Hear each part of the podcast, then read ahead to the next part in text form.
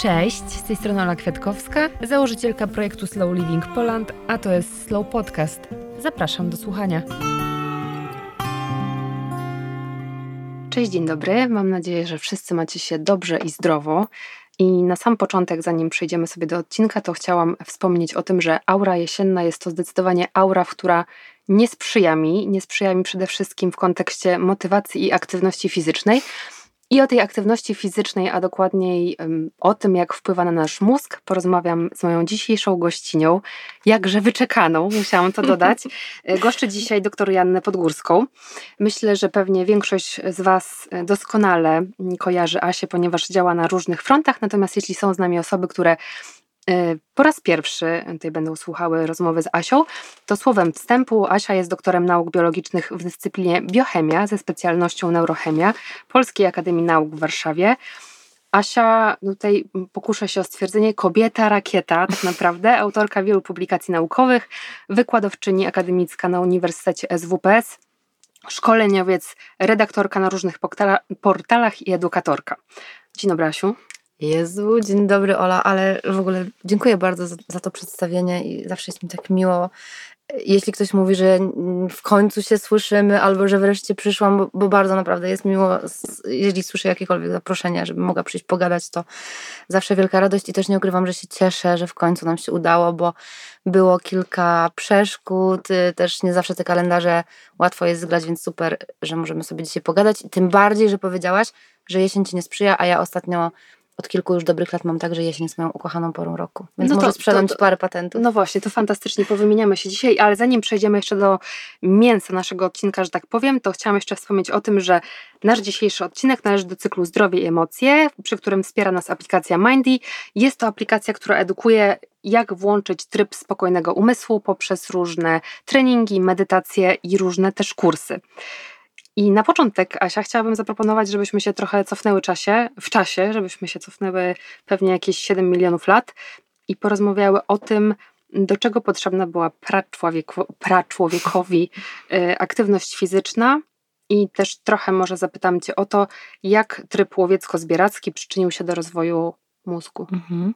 Właśnie, tak przewrotnie zapytałaś, bo mam, mam wrażenie, że teraz już o tym nie mówimy, że tak naprawdę nasz mózg rozwinął się po to i mieliśmy całą tą zdolność do mobilności, poruszania się, zejścia z drzewa, żeby się ruszać. A ruszaliśmy się po to, żeby zdobywać pożywienie, właśnie, żeby zbierać, łowić, poruszać się, generalnie zmieniać swoje miejsca i bazy, no właśnie po to, żeby przetrwać. I tak naprawdę ta aktywność fizyczna była z nami od zawsze. Dzisiaj yy, też już czasem to myślę, że mogę się powtarzać, jeśli ktoś słuchał, słuchał mnie w jakichś innych yy, podcastach czy, czy nagraniach, że Naprawdę kiedyś kobiety przemierzały 6, 8, 10 albo i więcej kilometrów dziennie, mężczyźni jeszcze więcej, a dzisiaj dla nas no, bardzo dużym wyczynem jest to, jeśli zrobimy te 6, 8 czy 10 tysięcy kroków, więc yy, rzeczywiście tak było, że to był element absolutnie obligatoryjny i podstawowy. Po prostu musieliśmy się ruszać, żeby, żeby móc przetrwać. I ten nasz mózg też w taki sposób się rozwijał, żebyśmy my po prostu mogli się poruszać. I bardzo ważnym elementem jest to, i myślę, że możemy w ogóle od tego zacząć, że ruch, aktywność fizyczna, bez względu na to, czy to jest po prostu taka aktywność aerobowa, czy, czyli tlenowa, czy po prostu podnoszenie czegoś, dźwiganie, generalnie stymulowanie mięśni, e, o czym często też nawet e, wybitni neuronaukowcy, psychiatrzy, psychologowie mówią, że aktywność fizyczna i ruch to tak naprawdę trening umysłu, a nie ciała. Czyli my musimy się ruszać też, żeby zachować jakąś, jakiś dobrostan tej głowy.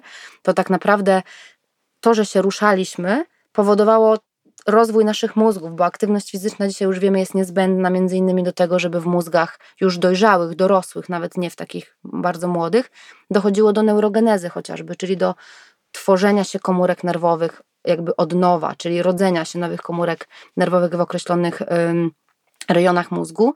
Podobnie aktywność fizyczna też już wiemy od z takich badań, e, czy to na zwierzętach, czy na ludziach z różnymi uszkodzeniami mózgu, jest niezbędna, żeby mózg się też regenerował, czyli to było takie samo nakręcające się. My się ruszaliśmy, żeby ten mózg miał się lepiej, a mózg też się rozwijał i dawał nam możliwość tego dwunożnego poruszania się i e, jakby takiej dynamiki ruchów, żebyśmy mogli zdobywać pożywienie i przeżyć, więc no absolutnie połączone ze sobą elementy, które mam wrażenie niestety dzisiaj kana, kanapoholizm trochę i kana, y, po prostu siedzenie na kanapie nam to zabrało.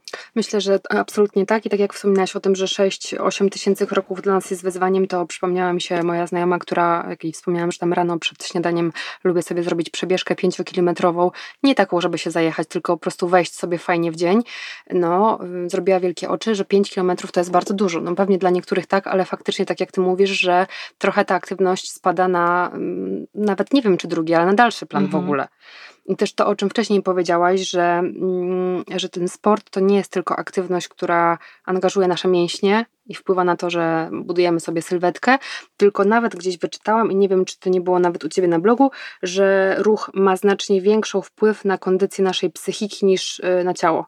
Tak, tak, właśnie tak jak tutaj przytoczyłam, e, nie pamiętam już, który to wybitny psychiatra, ale, ale właśnie też gdzieś przeczytałam w którejś z książek, że aktywność fizyczna tak naprawdę to jest bardzo mocno trening naszej psychiki i mówi się, że też jest to trening mentalny. Nie chodzi nawet o to, że no, ruch, y, jakieś takie podejmowanie aktywności fizycznej to jest trochę taka praca z, y, z walką z samym sobą, bo nie ukrywajmy, że najtrudniejsze na przykład w bieganiu, przynajmniej w moim wydaniu też tak jest, jest ubranie już tych butów i wyjście z domu. Jeżeli już my wyjdziemy, ubierzemy się i zaczynamy biec, to już jest fajnie, tylko bardzo mocno chodzi o tą mobilizację, bo mózg rzeczywiście broni się przed tym. Mózg zawsze będzie bronił się przed tym, co jest dla niego trochę takim wyjściem ze strefy komfortu, czymś związane, coś, co jest związane e, no, z jakimś stresem, z czymś takim, no nie do końca, co, jak sobie to wizualizujemy, czymś przyjemnym, no na pewno dużo mniej przyjemnym niż siedzenie na kanapie i tam wcinanie czegoś dobrego. Oczywiście efekt jest, jest super, natomiast y, no rzeczywiście tak jest, że bardzo mocno pokazują to chociażby wskazania, rozporządzenia, czy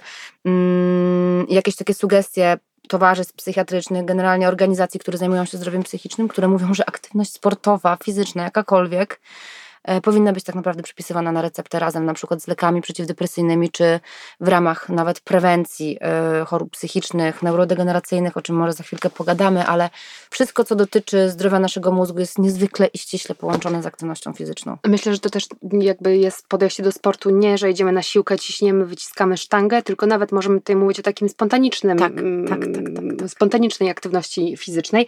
Ale... I może o tym, może bym tylko słówko powiedziała, bo właśnie mam, mam, mam wrażenie, że o tym się mało mówi.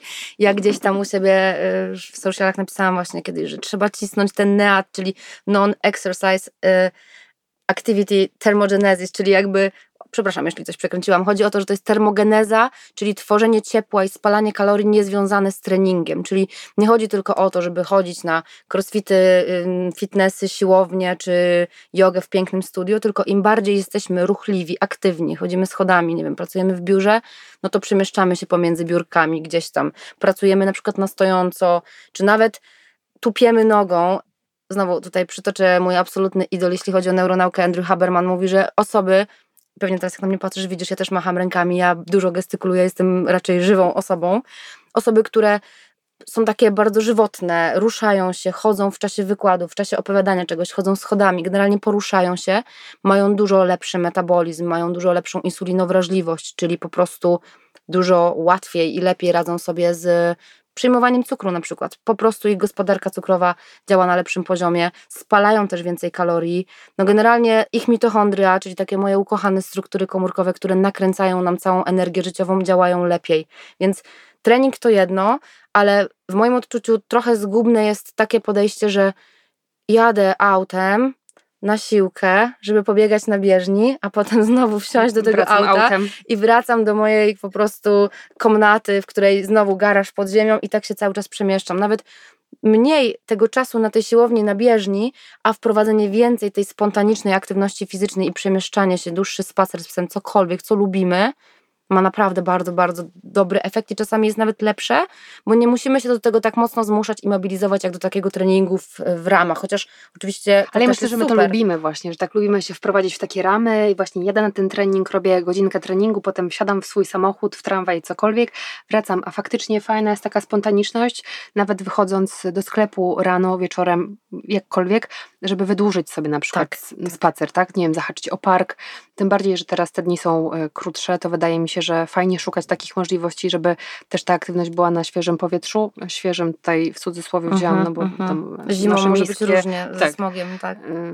Natomiast jeszcze chciałam zahaczyć o mitochondria, bo to jest też bardzo ciekawy temat, y, który rozwijałam z Karo Domarańczyk. Mhm. Też Tak myślałam, że wspomniesz tak, bo Karo, my tu obie po prostu, ja też kocham mitochondria i ilekroć coś Karo pisze o mitochondriach u siebie w social mediach, czy ja to sobie przybijamy gdzieś tam pionę i nawzajem komentujemy, ale tak, to może brzmieć tak enigmatycznie, gdzieś tam z biologii coś tam świta mitochondria, takie dziwactwa, które stały, z, wchłoniętych bakterii przez komórki stały się jakimś tam odrębnym bytem, ale naprawdę im więcej się ruszamy, im więcej sobie zapewniamy trochę takiego stresu w dobrym ujęciu, czyli tak zwana hipoteza Hor- Hormezy, która mówi o tym, że jeżeli dajemy sobie jakiś bodziec, który no nie do końca wydaje się być dla nas korzystny, ale on stymuluje nas po prostu do takiego bycia silniejszym, do działania, do mobilizacji energetycznej i dokładnie tak jest z aktywnością fizyczną, więc tutaj no naprawdę ruszmy się jakkolwiek po to, żeby czuć się też, nie wiem, to ożywia nas pod każdym względem, to zwiększa przepływ krwi do mózgu, to powoduje, że jest więcej tlenu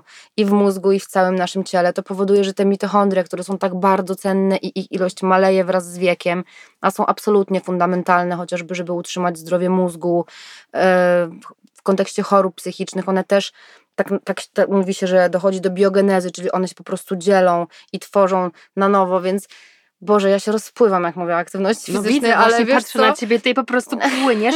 Natomiast y, tutaj chciałam też zahaczyć o to, że faktycznie ja jakby jestem bardzo aktywną osobą fizycznie, ale nie ukrywam, że jesień to jest naprawdę jedna Mhm. z tych pór roku, gdzie mam ogromny problem, bo tak jak mówisz, największym wyzwaniem jest dla mnie y, założenie tych butów sportowych, czy stroju do jogi, czy na cokolwiek tam się wybieram i podjęcie tej decyzji, że wychodzę, bo jak już jestem i to robię i włączę zegarek i zaczynam biec, czy truchtać, czy spacerować, to y, jakoś to idzie. Natomiast muszę też wspomnieć o tym, że y, poniekąd jesteś też moją inspiracją, jeżeli chodzi o aktywność fizyczną, bo niejednokrotnie widzę, że wybierasz rower Oj tak. i przemieszczasz się rowerem. Ja też mam, masz na kolażówce chyba, Tak. ja też mam kolażówkę. znaczy, albo na szosie, po ulicy, na, po szosie, ale mam też gravela ukochanego, którego zawsze wybieram na wertepy i do lasu. Czyli też taką kolażówkę, ale z grubszą oponą i, i uważam, że to jest fantastyczny rodzaj roweru do po prostu gdzieś tam e, jeżdżenia po krzaczorach i po lesie. Tak, i zdarzyło mi się właśnie czasami e, wybierając się na jogę, zazwyczaj albo spaceruję, albo przemieszczam się rowerem, bo to jest niedaleko,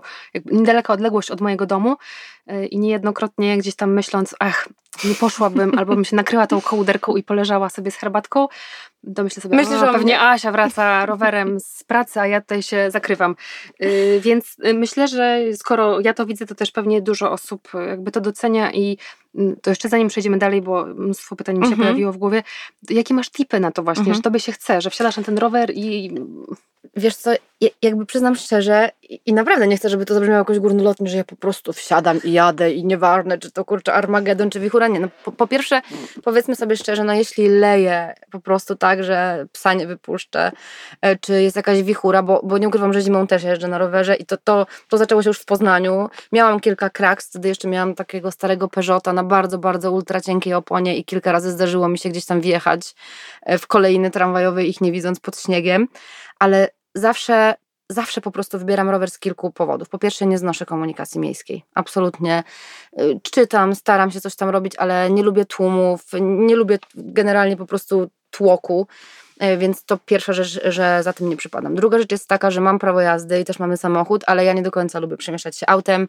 Uważam, że im więcej ludzi jeździłoby rowerami, tak jak w mojej ukochanej Skandynawii. Nie byłam co prawda w Danii, w Kopenhadze, ale byłam w Amsterdamie. Dobra, to nie jest Skandynawia, ale też kult roweru. Uwielbiam po prostu ten widok. Wydaje mi się, że to jest coś tak dobrego dla planety, że nawet ja myśląc o sobie i też patrząc, uśmiechając się po cichu, jak taki bobek z muminków, że ci wszyscy ludzie stoją w korku, ja sobie po prostu jadę jak księżniczka, to rzeczywiście jest to coś, co w Warszawie przy tych korkach i godzinach szczytu jest dla mnie dużym ułatwieniem i no jest to po prostu super korzystne, takie wsiadanie sobie na rower. A trzecia rzecz jest taka, że nie zawsze znajduję czas na ten trening właśnie, bo dla mnie rower jest jak ten neat, czyli aktywność niezwiązana z treningiem. To jest po prostu mój spontaniczny ruch. I czasem nie mam czasu, żeby sobie zrobić czy to poranną praktykę, czy pójść na siłownię, bo staram się ten trening siłowy, o czym chciałabym za chwilkę powiedzieć, może właśnie z tych benefitów, co, dlaczego jest ważne, ale trening siłowy też absolutnie jest w moim życiu, bo trzeba stymulować mięśnie, a rower jest dla mnie też takim rodzajem aktywności, która jest i tlenowa, aerobowa, bo pracuję z oddechem, a też jestem astmatyczką i mocno tutaj muszę pracować, żeby mieć tą kondycję dobrą. Czasem właśnie jak mówię o tym, że mam astmę, to ludzie mi nie wierzą. Potem powiedzmy, że harpaganie tak bardzo kiedyś też dużo biegałam, ale to właśnie dzięki temu, że tak dużo tego sportu uprawiałam, z tą astmą udało mi się uporać, więc to też jest takie remedium. A rower jest też aktywnością, która pobudza bardzo mocno mięśnie, bo jednak pupa i uda no, czują swoje. Ja też yy, po drodze do domu, my mieszkamy obok siebie na Ursynowie, mam taką wielką górę, którą nazywam Golgotą i nie ukrywam, że codzienny podjazd pod tą górę to jest dla mnie po prostu solidny Czy wycisk. to jest ta górka, która mm, jest... Ja ją codziennie przemierzam tą Golgotę, więc dla mnie to jest po prostu aktywność fizyczna, to jest jakby rodzaj też treningu, to nie jest jakaś bardzo duży dystans, bo mam około 12 km w jedną stronę, ale zawsze gdzieś tam zdążę się zmachać, więc co mnie motywuje? Motywuje mnie to, że po pierwsze to jest mój główny środek transportu, po drugie kocham absolutnie jazdę rowerem od dzieciaka, traktuję to jako trening i rzeczywiście tego też nauczył mnie mój mąż, bo ja jestem bardzo dużym zmarzlakiem, trochę teraz trip na Islandii e, to zmienił, ale wszystko naprawdę jest kwestią e, umysłu, że tak pięknie powiem, ale ubioru to jeżeli dobrze się ubierzemy, ja zawsze mam pod spodem jakieś leginsy, rajty, nie mam jakiejś super e, pro kurtki, teraz sobie kupiłam rzeczywiście jakąś tam e, lepszą z membraną, ale to była kurtka z Decathlona, moje po prostu buty, też jeździłam w wansach, ale w grubszych skarpetkach, czapka i kask. I to mi wystarcza, ciepłe rękawiczki. I naprawdę jest mi cieplej niż jakbym szła w płaszczu do pracy. Serio, nawet jeżeli jest temperatura e, minusowa, jeżeli się ciepło ubierzemy i napijemy się też rano, ja mam taki patent ciepłej wody, bez żadnej cytryny, bez niczego, ale dla rozgrzania jelitek i po prostu rozgrzania organizmu, to jest mi dużo lepiej niż gdybym szła sobie na komunikację. I nie ukrywam, ludzie, którzy ze mną pracują, już są w stanie z. Też jeżdżą rowerami do pracy. Właśnie same dziewczyny jeżdżą, co ważne u nas. Akurat mówię teraz, na przykład jadę do biura do Hellflaps, to same dziewczyny i my wszystkie na szosach, więc zawsze jest taki piękny widok. Y, ale naprawdę po mnie widać podobno po twarzy, czy przyjechałam dzisiaj rowerem, czy nie. Jeśli nie przyjechałam rowerem, jestem smutna, nieznośna i jakby czuję, że Jezu, no nie ruszyłam się. Więc też jest to pewnego rodzaju na pewno uzależnienie, że ja potrzebuję tego ruchu, y, ale ja myślę, że to mnie utrzymuje w pewnym stopniu przy życiu właśnie teraz, w tym czasie, no takiej słoty, te dni są krótsze, jak wsiadam na rower, włączam sobie swoją ulubioną muzę czy jakiś podcast, to po prostu czuję, że jestem w ruchu. Właśnie jestem w tym, w tym życiu. To, co mam wrażenie, zatracamy właśnie, gdy siedzimy i gdy nam się nie chce. A jeżeli już wejdę na ten rower, to dużo bardziej mi się chce i co ważne, dużo, dużo lepiej jestem turbo bardziej kreatywna i chcę mi się Właśnie pracować. chciałam tu powiedzieć, że to też chyba fantastycznie wpływa na koncentrację i w ogóle na to, jakby jak, jaka jasność jest mhm. w głowie po takim, po takim wysiłku, może nawet niedużym, tak, no bo to 12 kilometrów, ale nawet gdzieś tam się ruszasz i coś się zaczyna dziać, ale o tym, co się dzieje Yy, czyli pewnie o endorfinach zaraz jeszcze mhm. porozmawiamy, a wrócę jeszcze na moment do tego, co się dzieje w takim razie w naszym mózgu podczas aktywności fizycznej.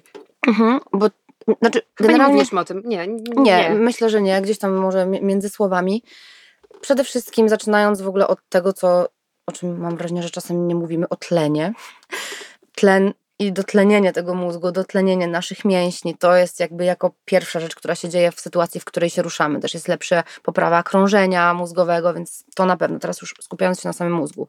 Po drugie, jako chyba nasuwa nam się bardzo mocno to, a ja też często o tym mówię u siebie gdzieś tam w social mediach, czy studentom na wykładach, czy gdzieś tam piszę, jak bardzo mocno nasze zdrowie metaboliczne, czyli prawidłowa masa ciała, niestety otyłość, która jest dzisiaj absolutnie plagą naszych czasów i nadmierna masa ciała, to wszystko jest jakimś tam fundamentem chorób um, o podłożu zapalnym. Czyli ten stan zapalny, niestety otyłość jest chorobą o podłożu zapalnym, ponieważ tkanka tłuszczowa ma w sobie różne markery i różne um, białka, hormony, które działają tak zapalnie, więc aktywność fizyczna no na pewno siłą rzeczy też sprzyja zachowaniu prawidłowej masy ciała, więc zapobiega otyłości. Tutaj nie ma zmiłu. Jeżeli się ruszamy, to też spalamy więcej kalorii, więc jest większe prawdopodobieństwo, że albo my utrzymamy tą prawidłową masę ciała, bo no, tracimy masę ciała w sytuacji, w której jesteśmy na ujemnym bilansie kalorycznym, czyli Możemy na przykład też nawet jeść więcej, lepszych rzeczy, ale jeżeli się ruszamy, no to wiadomo, jest większe prawdopodobieństwo, że nie przybierzemy e, tej masy ciała, a wiemy, że to jest szkodliwe dla mózgu. I są bardzo duże powiązania i doskonałe prace naukowe, metaanalizy, które pokazują bardzo jasno.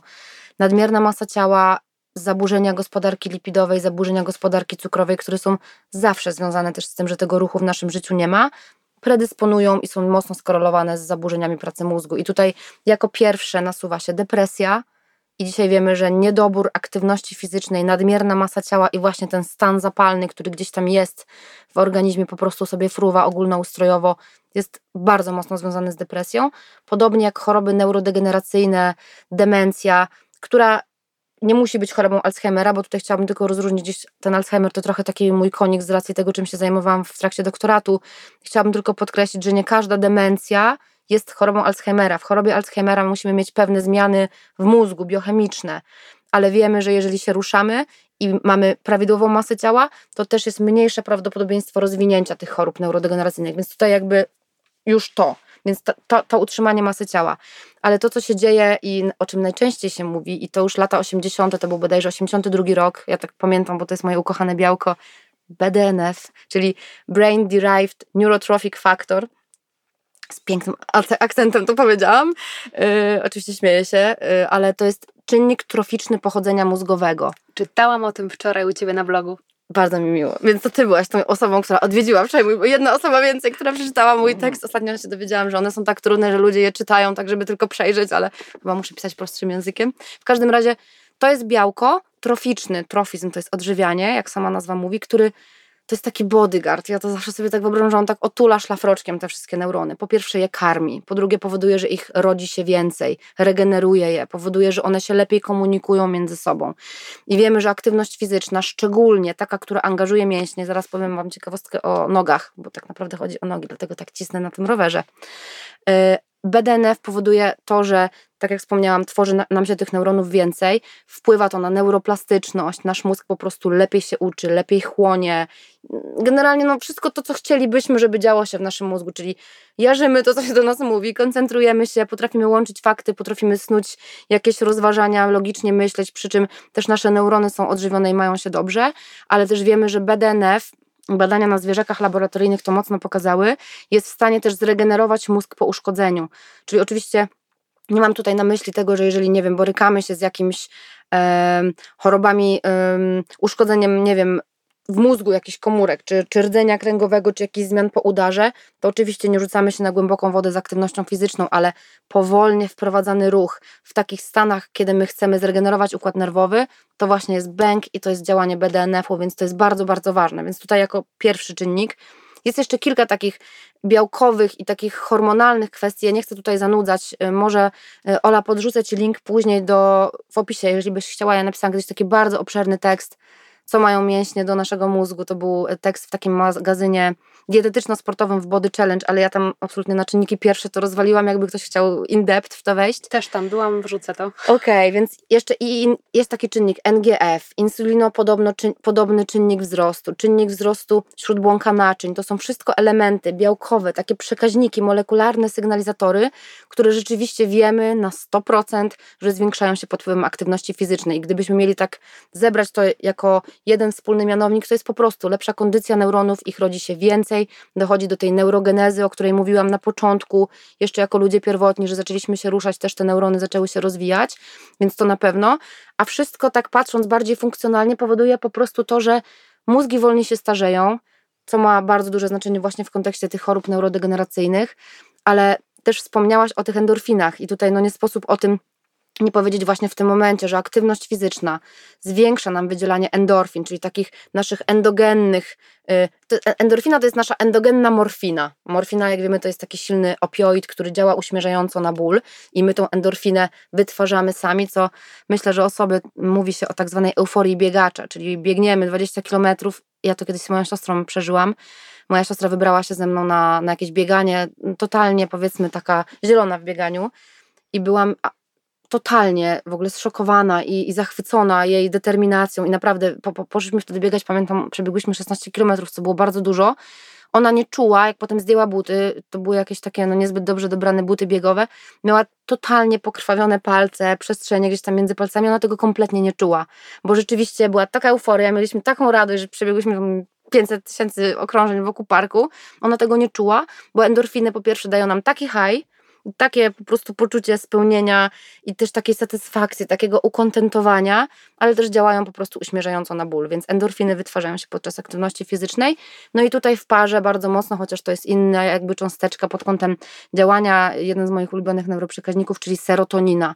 Serotonina to też jest neuroprzekaźnik, co ważne, ona nie działa tak jak dopamina, że nas bodźcuje, bo serotonina się wydziela po zakończonej aktywności fizycznej, czyli ona nas hamuje, daje nam takie o tak, cudownie, ale fajnie, czuję po prostu spełnienie, spokój, a dopamina wydziela się też w trakcie aktywności fizycznej, żeby dawać nam tego drive'a, że na przykład ja będę gonił jeszcze bardziej i jeszcze mocniej za tym czymś tam powiedzmy, więc pod kątem takiej neurochemii, tej zupy biochemicznej bardzo dużo się dzieje, która jest dla nas po prostu korzystna i wszystkie te rzeczy, te cząsteczki, o których wspomniałam, są zaangażowane powstawanie depresji. Jest ich po prostu za mało w depresji, więc jeśli my się ruszamy i je bodźcujemy, stymulujemy do wytwarzania, no to siłą rzeczy to jest też bardzo duże remedium i taki czynnik po prostu pre prewencyjny do, do powstawania depresji. I oprócz tego też dzieje się w naszym mózgu to pod wpływem aktywności fizycznej, yy, że właśnie mamy polepszone krążenie mózgowe. Też ostatnio o tym pisałam, że aktywność fizyczna właśnie bardzo mocno osłabia to krążenie krwi, y, po prostu przepływ krwi do mózgu, a jeśli się ruszamy, no to siłą rzeczy też tej krwi e, przedostaje się więcej. Jest też kilka takich fajnych patentów, to może zaraz powiemy właśnie o tym treningu nóg, który uwielbiam. To trening nóg za moment, ale chciałam się Ciebie jeszcze zapytać o to, czy są jakieś um, określone, wyjątkowe formy aktywności, które najkorzystniej wpływają na wydolność naszego mózgu. Tutaj ten rower się bardzo często pojawiał. Wspomniałeś mhm. też o bieganiu. Czy faktycznie jakby taki trening, tak sobie wnioskuję, słuchając teraz Ciebie i też trochę czytając wcześniej różnych rzeczy, tlenowy, wysiłkowy, jest to taki trening, który jest najlepszy dla naszego mózgu? Wiesz co, nie ma dla mnie najlepszego.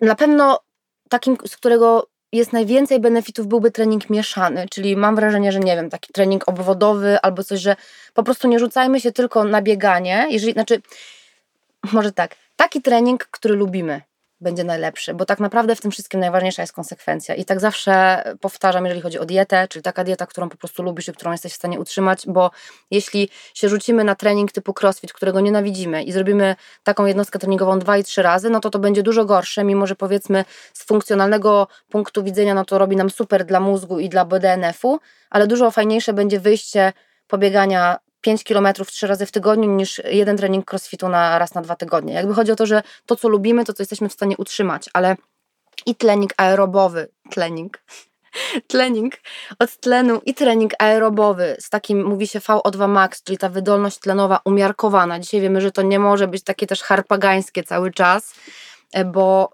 pamiętajmy, że aktywność fizyczna jest też dla nas pewnego rodzaju stresem i fizycznym, i takim psychicznym, bo jednak organizm bodźcuje się, wytwarza też dużo wtedy wolnych rodników tlenowych, który z takiego punktu widzenia biochemicznego uszkadza też nasze struktury, ale to jest po prostu stres. A tutaj od razu się włączy mhm. taka mała dygresja. Zawsze ten stres się u mnie pojawiał. Ja kiedyś bardzo dużo biegałam, mhm. troszeczkę mniej niż teraz. Startowałam w różnych zawodach, często górskich i pamiętam ten stres, który mi towarzyszył na mecie. Jakby ja wiedziałam, że jestem gotowa, mhm. że dam radę, że przebiegnę, ale podświadomie w tej głowie wiedziałam, że za chwilę mój organizm wejdzie na dość wysokie obroty i ten wysiłek będzie trwał ileś tam godzin i pamiętam, że to faktycznie było takie uczucie dla mnie nawet porównywalne, no nie wiem, do stresu przed kartkówką uh mhm, -huh, czy uh mhm. -huh. sprawdzianem w szkole, tak? Więc zobacz, miałaś stres i taki psychiczny, związany już jakiś mentalnie z tym, co się zaraz wydarzy, ale bardzo mocno na takim poziomie fizycznym, biochemicznym też to był stres, więc chodzi o to, żeby po pierwsze mówi się o tym umiarkowanym VO2 max w takim codziennym jakby wysiłku. Natomiast to, co chciałabym, żeby wybrzmiało, właśnie ta aktywność, którą lubimy, ale rzeczywiście najwięcej benefitów jakby mamy wtedy, kiedy jest to e, trening i taki aerobowy, tlenowy, ale też taki trening, który nazywamy oporowym, czy z e, po prostu jakimś obciążeniem, które będzie nam aktywował ten BDNF, bo wiemy, że właśnie ciężar i szczególnie trenowanie, tak jak już wspomniałam, że muszę o tym powiedzieć, no teraz wjeżdżają te nogi, dolnych partii i takie badania na zwierzakach, które miały tam unieruchomione kończyny dolne e, i no niestety jak to modele zwierzęce w badaniach, które no absolutnie Jestem też bardzo pro-life, nie jem mięsa, ale jakby wiem, że niestety bez doświadczeń na zwierzakach nie wiedzielibyśmy praktycznie nic w biologii.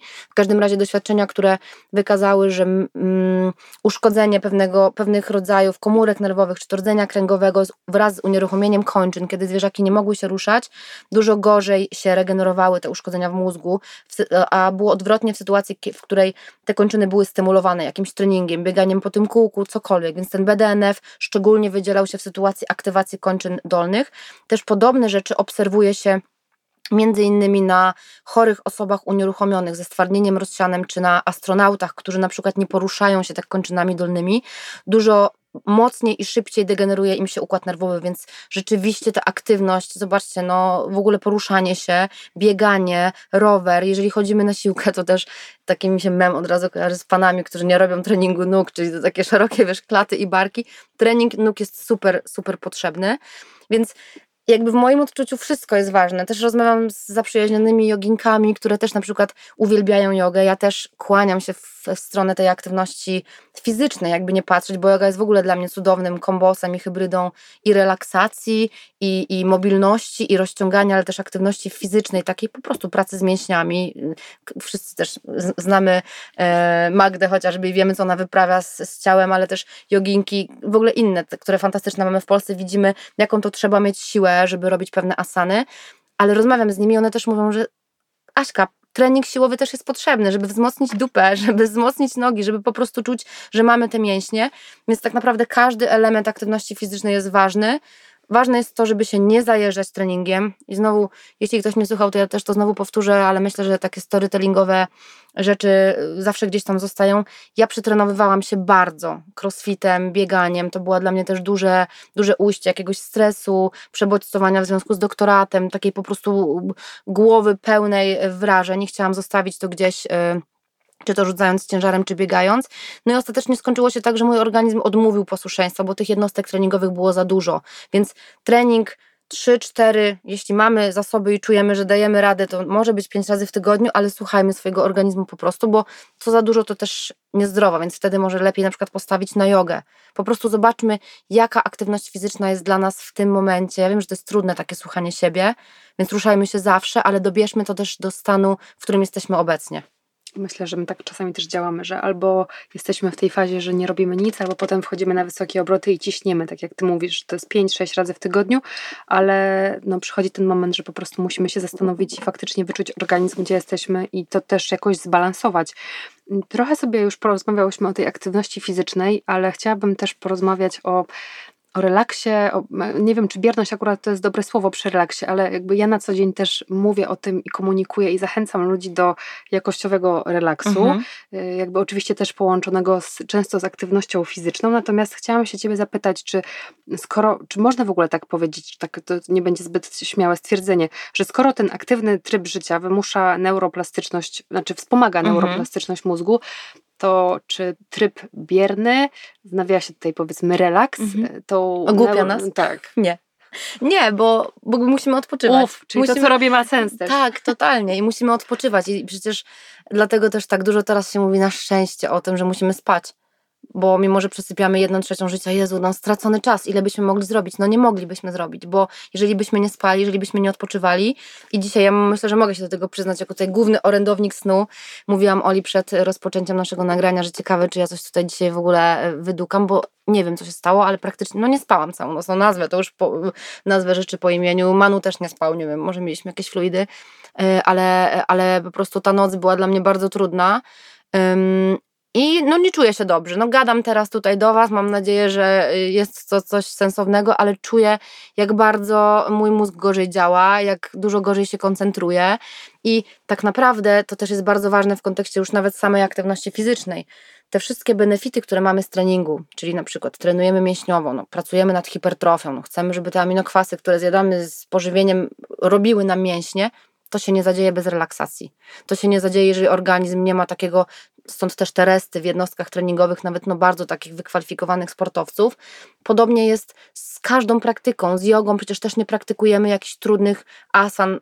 Mam nadzieję, że, że instruktorzy jogi też tak nie namawiają do codziennego treningu, bo musimy po prostu odpoczywać i żeby te mięśnie się zregenerowały, ale głównie no, nasz mózg steruje też tym wszystkim. Mózg steruje tak zwanym mind-muscle connection. Jeżeli mózg nie odpocznie, to po pierwsze nie będziemy mieli motywacji do tego treningu, czyli no, no nic się nie zadzieje, no nie ubierzemy tych butów, bo dopamina niezwykle mocno spada, jeżeli jesteśmy niewyspani, źli yy, i, i po prostu nie, nie odpoczęliśmy odpowiednio, więc nie jest tak, że jeżeli odpoczywamy, to ogłupiamy się, ale to, co powiedziałaś, można odpoczywać i odpoczywać. I, I, ja też jakby nie chcę tutaj piętnować, czy nie wiem, granie w grę jest dobre czy złe. Nie. Jeżeli to jest coś, co ciebie luzuje i ty czujesz, że ty odpoczywasz, że ty się relaksujesz, że ty masz swój self-care, że to jest twój taki komfort, czas komfortu, to jest ok, ale też Chodzi o to, żeby znaleźć taki rodzaj odpoczynku, który rzeczywiście cię luzuje, a nie jeszcze bardziej powiedzmy bodźcuje albo stresuje.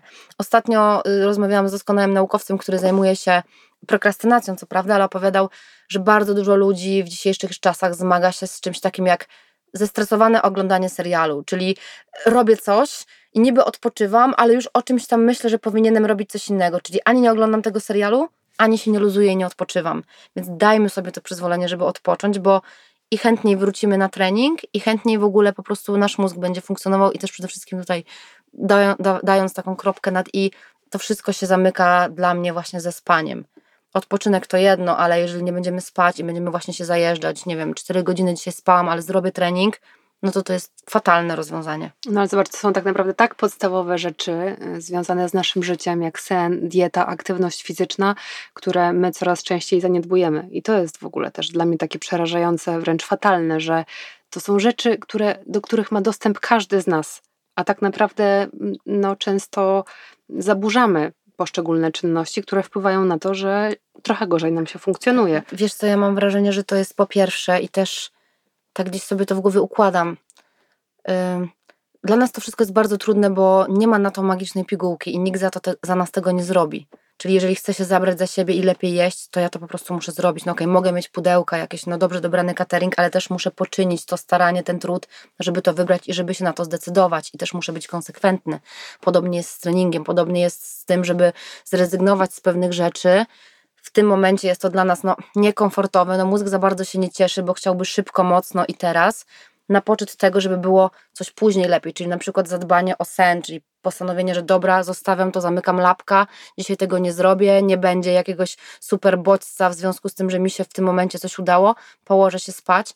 I też jakby y, mówię o tym, bo jestem gdzieś tam teraz w tym temacie. Ostatnio sama opowiadałam o tej odroczonej gratyfikacji, czyli, czyli tym, żeby nauczyć się trochę, dawać sobie taki czas i jakby nie spieszyć się tak bardzo z tym, że efekt musi być już teraz. I to na przykład bardzo mocno się ma do tego, co się dzieje z naszym zdrowiem psychicznym, że my często tak mocno się sami stygmatyzujemy, jesteśmy tacy krytyczni wobec siebie, chce, wobec siebie. Rozmawialiśmy o tym, o tym przed, że, tak. że chcemy szybko teraz, teraz, teraz musi być efekt. Zmieniam dietę, tydzień, kurczę, nic się nie dzieje, nie schudłam, nie przytyłam, bo też mówimy zawsze o utracie y, masy ciała, ale też naprawdę no, sporo osób boryka się z tym, żeby ją przybrać. Też y, panowie, faceci, którzy chcą na przykład no, nie mieć masę mięśniową, nic się nie dzieje, już rezygnuję. Tak samo jest ze sportem. Wyjdę dwa, trzy razy, nie ma od razu tego efektu. Strasznie mocno jesteśmy nastawieni teraz na efekt teraz, na to, że dopamina nam wyskoczy, da nam poczucie, wow, jestem w procesie, da nam później tą satysfakcję. Jesteśmy po prostu niecierpliwi i bardzo mocno przyzwyczailiśmy się do tego, że coś dzieje się już, już teraz, albo ktoś zrobi za nas, albo zaraz będzie od razu efekt. Trochę taka zmora naszych czasów, tak mhm. myślę to, o czym teraz powiedziałaś. Y, jesteśmy praktykami y, medytacji. Wiem, że ty też mhm. medytujesz, ja też medytuję. Y, myślę, że mnóstwo osób, które nas słucha, też pewnie praktykuje medytację. I tak na zakończenie chciałam cię, Asia, podpytać, co się dzieje w naszym mózgu podczas medytacji? Ogrom rzeczy. W ogóle to jest tak samo jak ze snem. Mówi się, że sen, no to niby taki no mało aktywny czas, a tak naprawdę w fazie z nurem, jeszcze zanim zacznę mówić o medytacji, dzieje się tak wiele rzeczy i tak wiele procesów i fale mózgowe po prostu skaczą jak szalone, nawet bardziej niż w czasie, kiedy jesteśmy aktywni.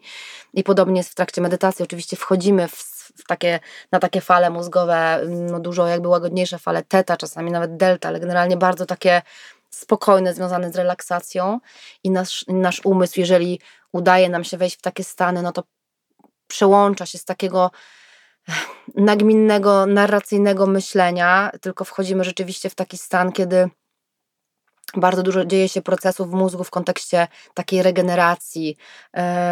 Często mówię o tym, że szare komórki, jakby jest ich więcej, istota szara się powiększa. Też ta struktura mózgu, która związana jest z takim logicznym, bardzo taki nasz nowy ewolucyjnie nabytek kora przedczołowa, którą no, w związku z tym coraz bardziej wypukłym czołem, jak się tak patrzymy na e, ewolucyjnie, jak zmieniały się nasze czaszki, to właśnie kora przedczołowa, czyli ta struktura, która jest mocno odpowiedzialna za logikę decyzji, za podejmowanie, za snucie planów, za jakichś konceptów, to rzeczywiście wiemy, że podczas medytacji e, ona bardzo dobrze funkcjonuje, jest też lepiej skomunikowana e, a na przykład ciało migdałowate, czyli taka struktura w układzie limbicznym związanym z emocjami, z taką czasem bardzo impulsywnym działaniem, nie do końca z trzeźwą oceną sytuacji. Wiemy, że w depresji właśnie to ciało migdałowate jest czasem nadaktywne i nie ma takiego dobrego połączenia między właśnie korą przedczołową a tym ciałem migdałowatym, a medytacja, tak wskazują dane, no już dosyć e, takie pokaźne metaanalizy, jeśli ktoś by chciał, to też mogę odesłać do e, artykułu na moim blogu, wskazuje, że to ciało migdałowate się uspokaja. Też Neurogeneza prawdopodobnie dane e, naukowe wskazują, że też jakby poprawia to e, tworzenie nowych komórek nerwowych, więc na takim poziomie neurobiologicznym dzieje się ogrom procesów bardzo korzystnych, ale też jest to związane mocno z pracą naszego mózgu. Medytacja bardzo mocno obniża poziom kortyzolu, czyli tego hormonu stresu, który znowu nie chcę się powtarzać, on jest bardzo potrzebny i tylko tyle powiem, że nie bójmy się, nie demonizujmy kortyzolu, bo bez niego byśmy po prostu wegetowali, ale medytacja powoduje, że chronicznie, cały czas wyrzucony do góry ten poziom kortyzolu maleje, a, ten, a po prostu chroniczny stres uszkadza też nam mózgi, u, uszkadza nam neurony. Więc no, dzieje się bardzo dużo procesów, które po prostu dla naszego mózgu są jak taki balsam. Też to poprawia bardzo mocno naszą kreatywność. Yy, I wiemy, że medytacja to nie musi być. Ja akurat praktykuję medytację zazen, buddyzmu zen, czyli to jest takie po prostu siedzenie do ściany, bez względu na to, czy siedzimy do ściany, czy, czy z mantrą, czy oddychamy, czy to jest medytacja vipassana, czy to też jest uważność, czyli jakby bardzo mocno takie bycie w momencie i doświadczanie jakby tego, co dzieje się albo wokół, albo też możemy mocno interoceptywnie do tego podchodzić, co w środku, jakiś taki body scan, ale wiemy, że takie praktyki związane z relaksacją, czyli z uaktywnianiem tak zwanego przywspółczulnego układu nerwowego, stymulują nasze komórki układu odpornościowego chociażby. I to też wszystko się pięknie dopina odporność, mniej stresu, lepsze funkcjonowanie mózgu.